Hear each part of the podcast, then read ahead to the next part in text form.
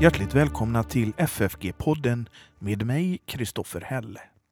Idag så ska vi få lyssna till ett föredrag av Timo Lato med rubriken Bokstaven dödar men anden ger liv från fakultetens dag den 11.11.2023.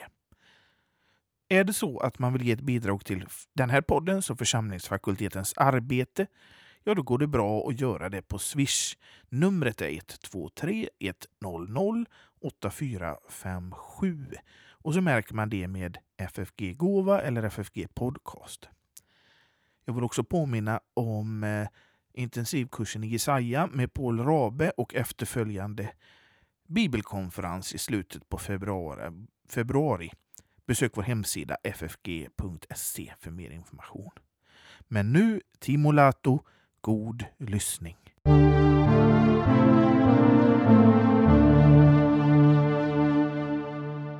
Vi har ett ämne som är hämtat ur andra Korintierbrevet och ni kan slå upp denna bibelvers, nämligen kapitel 3 och vers 6, ehm, den sista delen av denna vers.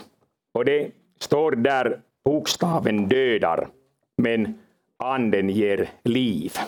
Det är sen alltså en fråga, vad betyder en sådan här sats? Bokstaven dödar men anden ger liv. Och jag kan redan nu i förväg säga att det som jag kommer att presentera här har sina anknytningspunkter till det första föredraget som Torbjörn Johansson, vår rektor, har hållit. Men när vi läser det här och det här har blivit liksom en, ett språkspråk som man citerar i olika sammanhang och ofta citerar man denna bibelvers som en varning. Man varnar för den bokstavliga tolkningen. Man varnar för att läsa Bibeln ordagrant. Och sen kommer man med eh, några fria tankegångar, några allmänna principer som gäller och sen kan man liksom klippa bort det som man inte gillar i Bibeln. Och man säger att bokstaven dödar, den bokstavliga tolkningen dödar, men sen denna andliga, denna allegoriska tolkning, eller just min tolkning, ger liv. Men att uppfatta saken på det här viset, mena att anden här står för någon, någon allegorisk tolkning, det är egentligen inte en möjlighet. Därför att om vi läser detta kapitel från början till slut så märker vi att anden varken här i detta kapitel eller någonstans i de paulinska breven, anden aldrig står för den allegoriska tolkningen eller för en sådan här skriftläsning. Särskilt här i kapitel 3 i Andra Korintierbrevet står anden för Guds ande som är en levande person, den tredje personen i gudomen. Men sen kommer man till en annan läsning, annan tolkning och man menar att jo, bokstaven i den här kontexten, när vi läser fortsättningen så kommer Paulus att tala om dödens tjänst som var inristad med bokstäver på stenar, vers 7, direkt efteråt. Det är en klar anspelning på det som ägde rum vid Sinai, när Mose fick ta emot Guds tio bud, hela den mosaiska lagen från Herren. Då har, man, eh, då har han eh, liksom tagit emot lagens tavlor, två tavlor, stentavlor. Texten var inristad med Guds finger. Man sen kommer härifrån till den där tolkningen att bokstaven dödar, att det är fråga om ett missförstånd. Att missförstå lagen. Det är fråga om ett judiskt missförstånd. De läser lagen och förstår det på ett fel sätt. Men när man sen kommer till tro, då börjar man liksom förstå lagen på ett korrekt sätt.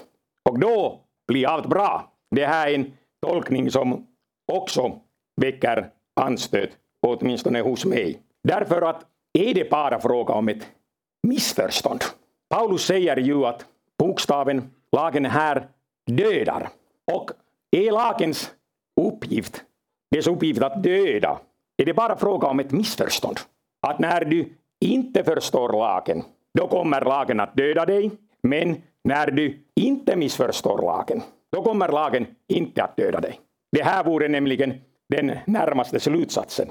Jag skulle säga tvärtom. Ju bättre du förstår lagen, desto mer dödar lagen dig. Du kan vända lagen upp och ner. Du kan läsa lagen hur som helst, men lagen kommer att döda dig vid varje läsning.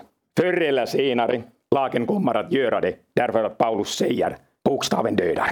Och därför alltså alla våra tolkningar som vi kommer med och läser in i den här texten, vi ska hålla i minnet att bokstaven dödar, lagen dödar. Du får inte bortförklara det här. Du får liksom inte trolla bort lagens dödande kraft genom dina förklaringar. Du kan alltså tolka texten hur som helst, men lagen dödar i varje fall. Och särskilt när vi tänker sen skillnaden mellan lag och evangelium, något som är viktigt i våra lutherska sammanhang. Då också kan vi säga att det är inte fråga om ett missförstånd när vi gör en skillnad mellan lag och evangelium, utan det är alltså ett motsatspar som finns i Bibeln och gäller hela tiden och lagen dödar och sen evangelium gör oss levande.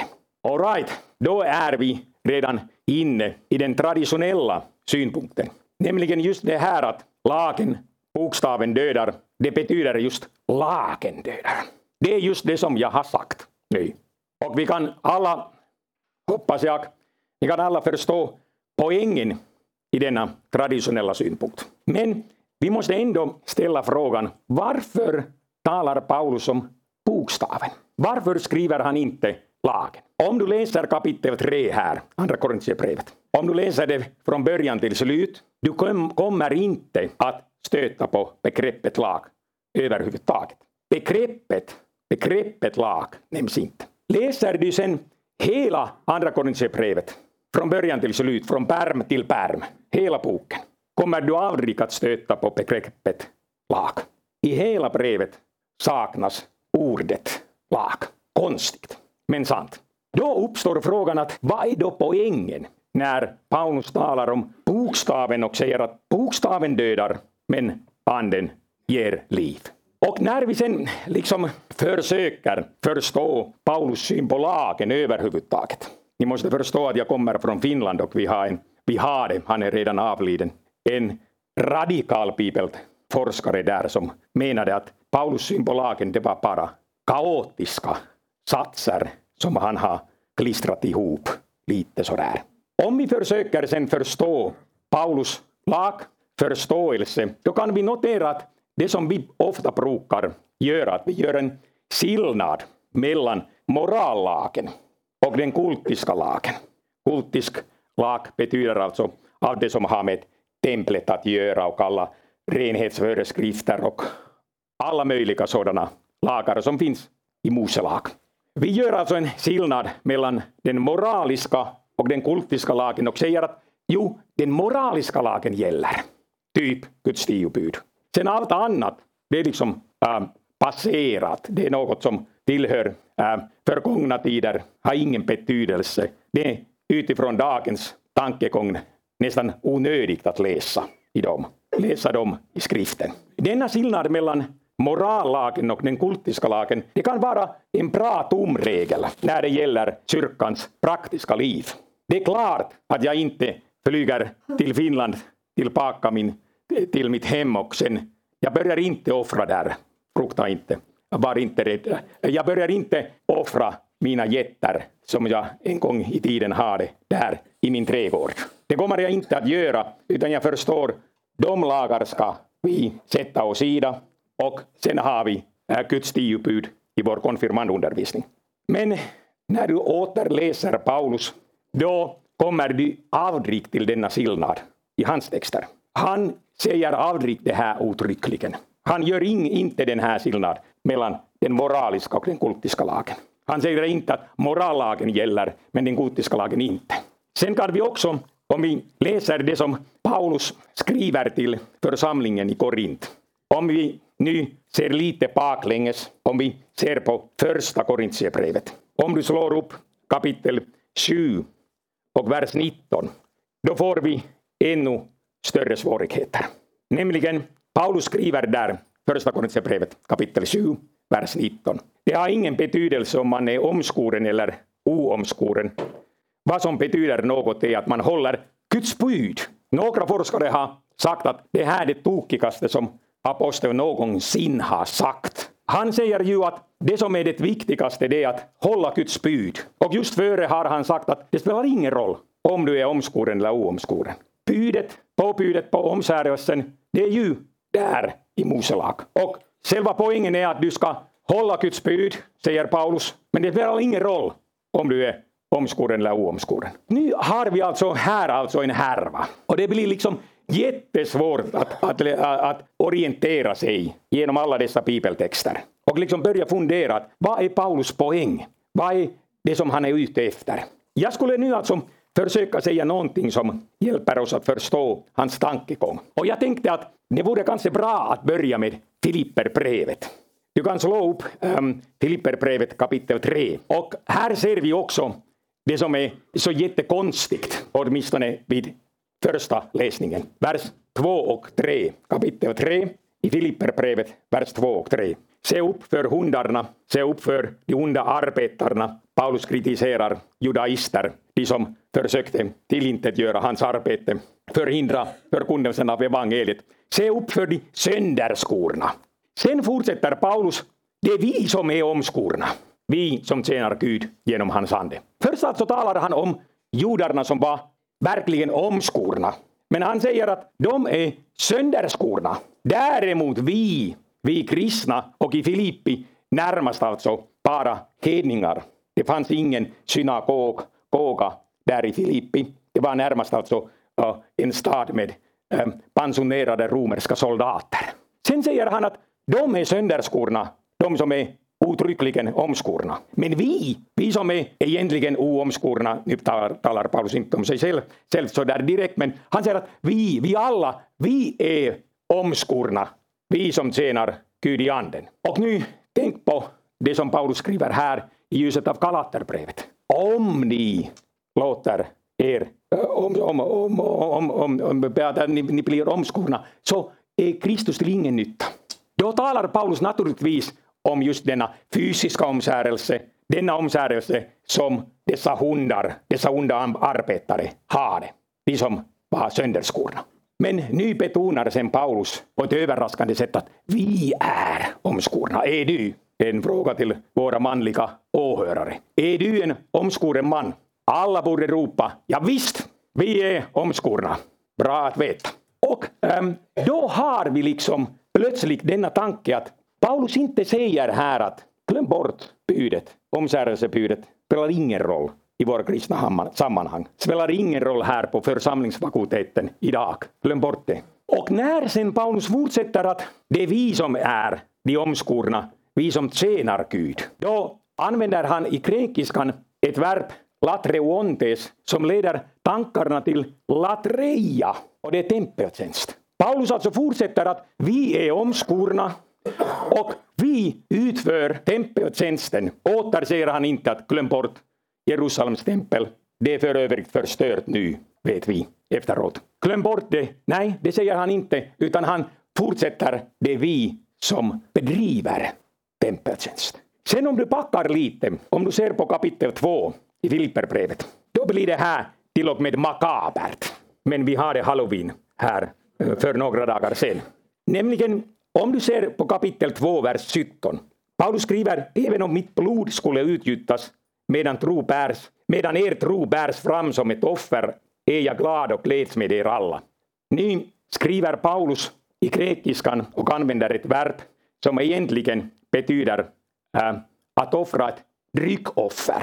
Och han menar alltså då att det som han kommer att göra om han nu offras, om han blir avrättad, så offras han och det som äger rum i, vid, vid det ögonblicket är det här att då blir mitt blod utgjutet som ett dryckoffer.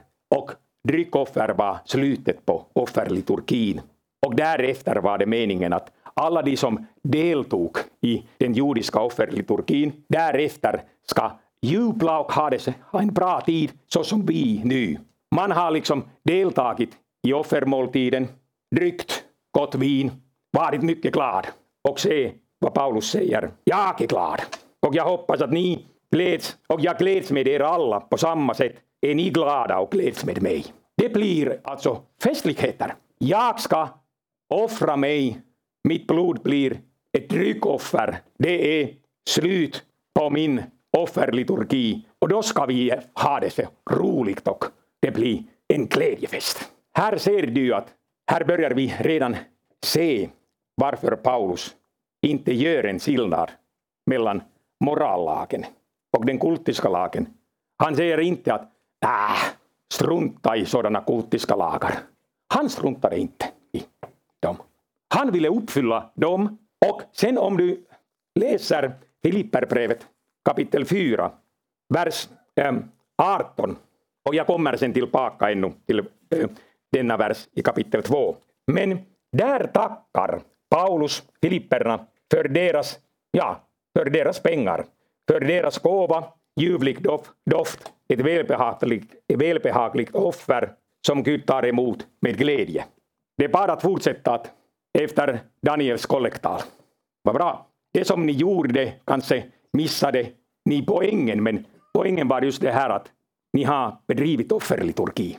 Och jag hoppas att det offer som ni har gett var rikligt.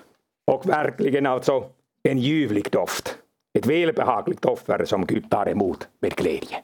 Du kan svissa sen ännu efter denna bibeltimme. Det är inte för sent. Och nu om vi kommer tillbaka till kapitel 2, vers 17. Paulus skriver här alltså att om mitt blod skulle utgjutas medan er tro bärs fram som ett offer. Paulus använder där i grekiskan ordet liturgi. Det som ni gör, det blir er liturgi. Ni deltar i min offerliturgi, i min tempeltjänst. Så mycket om Filipperbrevet. Sen alltså när vi, vi kan komma till Romarbrevet. Och som du kommer ihåg, Paulus talade om denna skillnad mellan bokstav och ande. Denna skillnad har vi sen också i Romarbrevet. Om du slår upp kapitel 2 och de sista verserna där. Då skriver Paulus där kapitel 2, vers 28-29. Jude är man ju inte till det yttre. Inte heller är omskärelsen något yttre på kroppen. Jude är man i sitt inre och hjärtats omskärelse ser genom anden och inte genom bokstaven. Då får man sitt beröm inte av människor utan av Gud. Där märker ni nu att det finns denna skillnad mellan bokstav och ande. Samtidigt har vi denna skillnad mellan kött och ande. Den fysiska omskärelsen ser i köttet naturligtvis och enligt bokstaven, det står skrivet, punkt och slut. Omskärelse, en viktig sak, en fysisk omskärelse enligt bokstaven. Så ska det vara. Och nu kommer Paulus och säger, nej, det här är inte den riktiga. Utan omskärelsen ser i anden och då blir man en riktig jude. Och en jude, det betyder etymologiskt, alltså utifrån hebreiskan. Det betyder en man som lovprisar Gud. Och Paulus säger att just det, då får man sitt beröm inte av människor utan av Gud.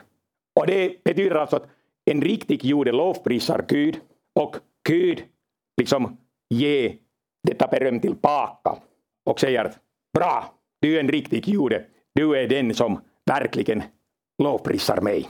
Där har vi liksom samma tanke som i Filipperbrevet. Så att det som vi har i Filipperbrevet, det är inte bara en tanke som av slumpen kom in i bilden. Utan här har vi samma tanke. Sen om vi ser på kapitel 12 i Romarbrevet. Där kan vi också märka att Paulus fortsätter med samma tematik. Han nämligen skriver så här att, att ni ska offra någonting. Jo, era pengar enligt Filipperbrevet. Det är ju det som är en möjlighet att bedriva offerliturgi. Men här i kapitel 12, vers 1, det blir ännu mer. Paulus skriver, nu uppmanar jag er, bröder, vid Guds barmhärtighet, att frambära era kroppar som ett levande och heligt offer som behagar Gud, er andliga gudstjänst. Så att när du tog din tid, när du kom hit, vilken tröst för oss.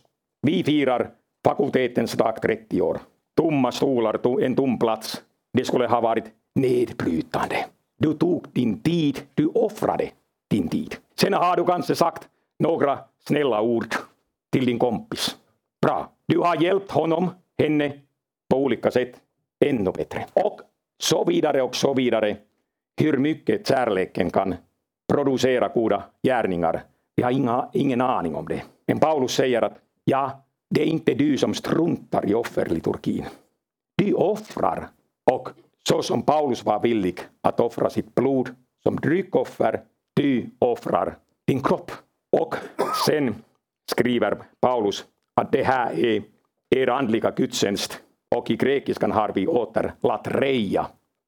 Och det är denna tempeltjänst som Paulus också nämner sen i början av kapitel 9 där Paulus uppräknar Israels privilegier. Många goda saker, bland annat latreia som jag tror vissa bibelöversättningar åtminstone översätter med tempeltjänst. Så att när du tog din tid, när du kom hit, när du har varit kärleksfull mot din nästa, du har börjat din offerliturgi.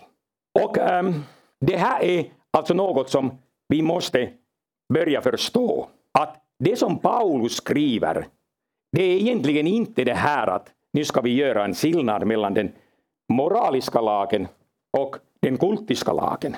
Utan allt ska bli uppfyllt. Och kommer du ihåg vad Paulus skriver om kärleken? Han skriver två gånger om kärleken på ett likadant sätt. Första gången här i Romarbrevet kapitel 13. Han uppräknar här kapitel 13, vers 9, Guds tio budord. Men tillägger därefter, och alla andra bud sammanfattas i detta enda ord. Du ska älska din nästa som dig själv. Och sen kommer han till sin slutsats. Alltså, är kärleken lagens uppfyllelse. Alla Guds tio bud plus alla andra, notera, alla andra. Och allt uppfylls i kärleksbudet. Sen i Galaterbrevet 5, det är liksom samma tanke om du slår upp det här. Um, där säger Paulus uttryckligen samma sak, um, nämligen kapitel 5 och vers um, 14. Där skriver, skriver Paulus hela lagen. Många forskare skriver, du kan läsa hur mycket som helst, alltså hela lagen. Naturligtvis den moraliska lagen. Det finns tiotals kommentarer som skriver så här. Naturligtvis syftar Paulus på den moraliska lagen. Säkert inte. Han skriver hela lagen. Vi tar hans ord bokstavligen. Bokstaven dödar inte i detta fall. Vi läser hans ord bokstavligen. Hela lagen uppfylls i detta enda budord. Du ska älska ditt nästa som dig själv. Och det här är ju intressant. Därför att om du nu tänker ditt eget liv inte orkar jag läsa Gamla Testamentet. Jag har stött på detta påstående flera gånger. Och varför borde jag överhuvudtaget läsa Levitikus? Och alla dessa mosaiska, mosaiska regler. Nå, jag berättar för dig. Du ska läsa dem just därför. Just därför att det står skrivet. Och det är viktigt för oss att veta. Därför att det är din uppgift att uppfylla dessa lagar som finns. Du kan inte liksom springa bort härifrån och säga nej, nej, nej, det är det alltså tidsbundna lagar. Gäller inte mer. Strunta i dem. Paulus säger det aldrig.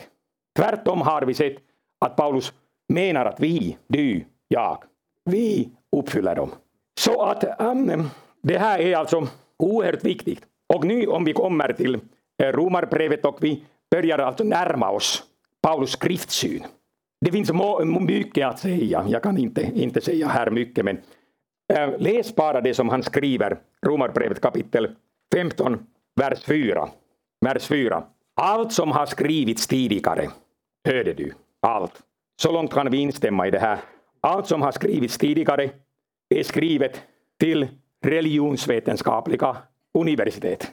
Så att de kan liksom förstå att hur galet det var då för tiden. Och liksom analysera, bli doktorer och sen få en position vid universitet och förtjäna pengar. Paulus skriver allt som har skrivits tidigare, tidigare är skrivet till vår undervisning. För att vi ska bevara vårt hopp genom den uthållighet och tröst som skrifterna ger. Allt. Och sen när Paulus i första Korintierbrevet kapitel 9, där hittar han det här att du ska inte binda för munnen på oxen som tröskar. Aldrig i livet, vad har det här för betydelse? Är det någon som äger oss oxar här i detta rum? Du, du, vad bra, vad bra. Ja, då kan du uppfylla det här. Men, men, men, men, att Paulus menar att han säger så här att är det oxarna Gud bekymrar sig om, säger han det är inte snarare för vår skull, jo, vi som förkunnar evangeliet och så vidare. Men till och med alltså en sådan detalj i Mose lag har sin betydelse, det är skrivet för vår undervisning. Så att på det viset kan vi alltså inte säga att, och det är till all lycka och det, det är till en stor välsignelse att Paulus aldrig gjorde denna skillnad mellan den moraliska lagen och den kultiska lagen. Nu när vi försöker förstå det som Paulus menar här så kan vi komma tillbaka till Äh, det, äh, det tokigaste som Paulus någonsin har skrivit, säger några forskare. Det var det här första Korintierbrevet 7.19. Alltså det här att det har ingen betydelse om man är omskuren eller oomskuren. Vad som betyder något är att man håller Guds bud. Det är just så här. Jag underskriver allt det som Paulus säger här.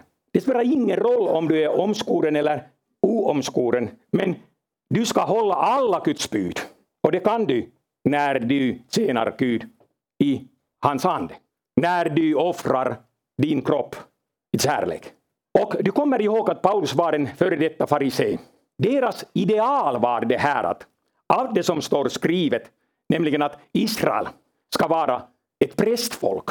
Äh, och fariséerna menade att, att det som står skrivet i den mosaiska lagen, det är något som, där finns alltså sådana regler och lagar som gäller bara präster. Men vi ska utvidga perspektivet så att vi fariseer och vår grupp följer också dem.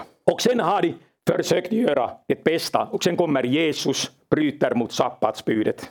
Enligt deras sätt att se, bryter mot allt annat. Sen kommer Paulus, en hemsk äh, man. Och så tänker man nu för tiden också när vi har dialog mellan kyrka och synagoga. Att om vi kan på något sätt äh, acceptera Jesus, Paulus aldrig. Därför att Paulus har förstört allt. Han har övergett lagen, han har gjort, äh, gjort allt möjligt. Nej, vi kan acceptera Jesus men Paulus inte. Men nu alltså Paulus menar att jo, det här är egentligen sant. Vi ska alltså verkligen bli präster. Det här är liksom en konkret eh, tillämpning av det allmänna prästadömet. Det som ingår i vår kateses. Det allmänna prästadömet, vi alla är präster. Är det sant? Ja, visst. no, just därför måste du efterfölja prästerliga föreskrifter. Du ska göra det från punkt till punkt. Allt. Och nu är det också alltså viktigt att notera att det här är inte en allegorisk tolkning. Det här är inte en idealiserad bild av kristendom. Utan det här är oerhört konkret. Det är det här att gå och gör det. Gå och uppfyll det. Gå och lev efter den kultiska lagen. Det är inte desto märkligare. Du bara går och du uppfyller det. Allt det som står skrivet. Kom ihåg att kärleken är hela lagens uppfyllelse. Och om vi nu kommer tillbaka till andra Korintierbrevet 2, kapitel 3 och 6. Bokstaven dödar, anden ger liv. Nu börjar vi liksom förstå att varför Paulus egentligen inte använder begreppet lag, utan han vill alltså betona det här att bokstaven, nämligen när vi förstår lagen på det viset att det är vi som ska uppfylla lagen i vår egen kraft, i vårt kött och göra allt det som vi kan för att förtjäna någonting inför Gud. Det är just detta judiska sätt att förstå lagen. Men det är just det som vi alla, alla människor försöker göra. Att på något sätt här eh, Ehm, liksom försöka göra vårt bästa och uppfylla allt. Men nu säger Paulus, när han talar om ande, då här i kapitel 3, då talar han om ähm, det nya förbundet. Och det gamla förbundet här i Andra Korinthierbrevet kapitel 3. Då hänvisar han klart och tydligt till Jeremia 31 i Gamla testamentet, därför att det är det enda stället i hela Gamla testamentet där det nya förbundet nämns. Och då säger ähm, Jeremia att Gud kommer att ge ande och skriva lagen i vårt hjärta. Och sen när Paulus säger att anden ger liv, det är klart och tydligt att han också hänvisar till Hesekiel 36-37. Profeten befinner sig där i dödsdalen, ser äh, äh bara döda äh, människolik. Äh, äh, äh och det finns inget liv. Och sen kommer ande och ger liv, gör dem levande. Och nu märker vi alltså att hur mycket judarna gör. Och de också vill fästa sin uppmärksamhet vid den rätta intentionen. De försöker vara ödmjuka. Kristoffer redan berättade här, har gett sitt eget vittnesbörd om ödmjukhet. De försöker liksom göra allt det de kan och de säger också att om du offrar ett offer, du måste ha den rätta intentionen. Annars är ditt offer förgäves. De gör allt det här. Vi kan bara hänvisa till det som Odeberg skriver i fariseism och kristendom. Men trots allt det här, de kommer liksom inte bort från sitt kött. Allt ser bara i köttet. Allt äger rum bara så tillvida jag mobiliserar mina krafter. Jag försöker göra det där och det där här. Och det liksom lyckas inte. Även den frommaste, den som beaktar alla mosaiska lagar och försök inte göra alla judar till sådana falska religionsivrare. De är många jättefromma. Läs bara Odevers bok. Jättefromma, någon gång frommare än vi kristna, flera gånger kanske. Men det som är problemet är det här att fortfarande allt ser i köttet och enligt bokstaven. Och nu, Paulus säger, äh, allt borde se i anden och fortfarande enligt den bokstavliga tolkningen. Därför att allt det som står skrivet, det har blivit skrivet till vår undervisning.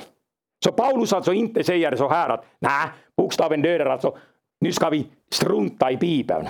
Vi har sett att det, det är något som han aldrig gör. Och som en god jude, han var inte kunnig att säga nu struntar vi Guds, i Guds lagar.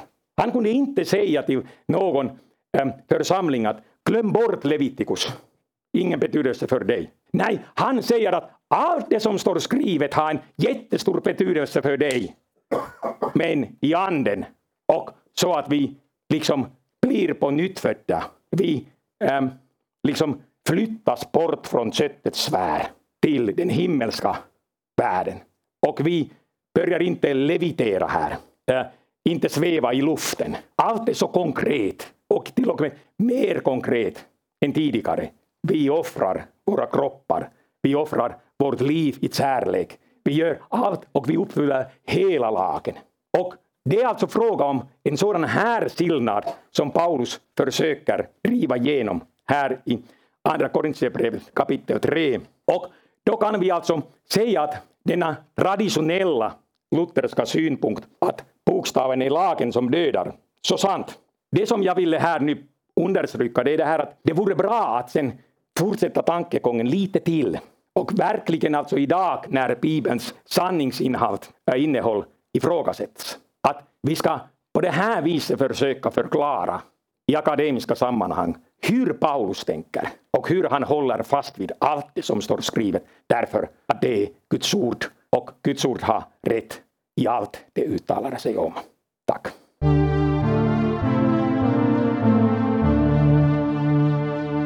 Hjärtligt välkomna till detta eftersnack. Jag har precis lyssnat på eh, dig Timo. Så hjärtligt välkommen hit till eftersnacket. Nu är det bara jag och du, för du brukar ju vara min eh, bisittare här. Ja, ja tack, tack för inbjudan. Det är roligt att småprata med dig. Du, du har äh, talat om att äh, bokstaven dödar men anden ger liv. Och en sak som jag tyckte att, äh, som jag vill lyfta fram som du sa, det är att bokstaven dödar varje gång. Ja, och det är just alltså problematiskt när man läser kommentarer till denna vers. Det är alltså hämtad ur Andra Korintierbrevet kapitel 3, vers 6. Bokstaven dödar men anden ger liv. Det är liksom symptomatiskt att man försöker tolka och omtolka bokstaven på det viset att, att bokstaven egentligen inte dödar förutsatt att du förstår bokstaven eller lagen eller gamla testamentet eller hur man tolkar sen den här texten. För, underförstått att du förstår bokstaven rätt. Men Paulus alltså här i Andra Korinthierbrevet inte säger att det vore liksom möjligt att omtolka bokstaven på det viset att det inte dödar, utan det liksom ingår i bokstavens lagens betydelse och väsen. Att lagen dödar i varje fall. Ju bättre du förstår lagen, desto mer dödar lagen dig. Det här är alltså en sån svaghet i kommentarlitteraturen som äh, dyker upp gång på gång. Och sen kommer man till den här slutsatsen, alltså att om du accepterar det som jag skriver i min kommentar, då förstår du att lagen inte dödar dig. Men det är ju en, en omöjlighet. Det är inte något som Paulus säger här, inte alls. Utan han säger att du får läsa och vända om lagen upp och ner. Spelar ingen roll. Lagen dödar dig i varje fall. Och den dödar varje dag. Jag skulle säga att vi har ju det som vi kallar i, i lutherska sammanhang för daglig omvändelse. Ja. Varje dag så dödar lagen dig och varje dag så ger anden dig liv med Kristus. Ja, precis. Och då är vi alltså inne i denna andra delen av detta slokan. Bokstaven dödar men anden ger liv. Anden är just det nya förbundets ande. Det ande den ande som vi har fått genom dopet, genom evangelieförkunnelsen. Den ande som Paulus säger är också till och med så här att den ande som vi dricker i nattvard, det är den ande som sen alltså öppnar evangeliet och gör oss levande och då liksom kommer lagens dödande kraft till slutpunkten. Lagen får döda mig därför att Kristus är uppstånden och jag är uppstånden med honom. Men är det inte ett stort problem idag att man inte tillåter lagen att döda? Ja, visst. Det är just alltså ett jättestort problem att man liksom på något sätt tycker att nej, jag tiger hellre. Jag vill inte säga någonting om lagen. Och om jag säger så vill jag liksom bortförklara det som Paulus säger att nej, nej, nej, bara du för, förstår lagen rätt, då dödar lagen inte. Paulus är ganska skåningslös här. Han säger att, jag upprepar, lagen dödar, lagen dödar i varje fall, lagen dödar, hur än du tolkar lagen, lagen dödar, men bara sen ande det vill säga evangelium och dop och nattvard ger liv, då är vi uppståndna tillsammans med Kristus. Men för det är ju så att människor, människor måste öppna sig för det här och det är ju genom bokstaven. Genom att läsa ordet. Ja, och, och vi kan säga alltså att när vi läser lagen, då, ja i viss mening kan vi till och med säga att då blir vi ännu mer stängda.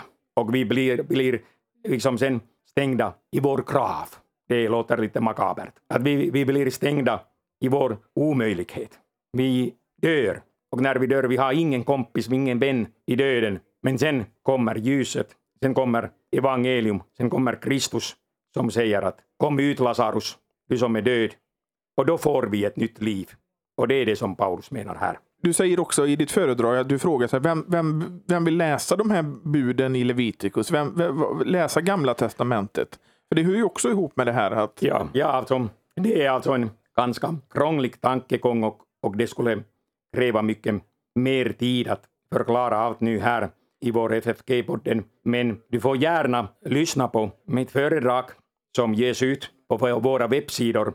Men om jag försöker kortfattat säga det som jag menar alltså. Vi ofta tror och inbillar oss att Paulus gör en skillnad mellan den kultiska lagen och den moraliska lagen.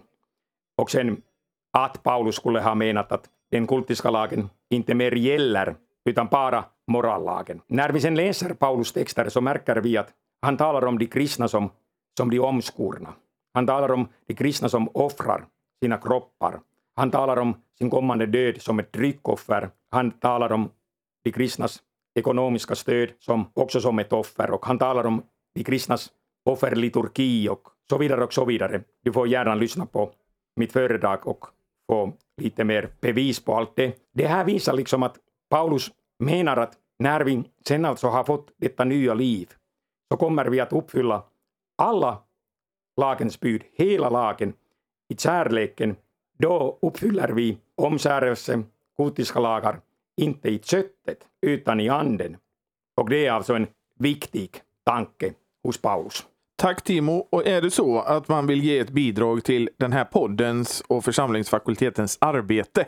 Ja, då får man alltså swissa och swissnumret är 123 100 8457. Och så märker man det med FFG Gåva eller FFG Podcast. Ja. Så kommer det fram till rätt mottagare. Just det.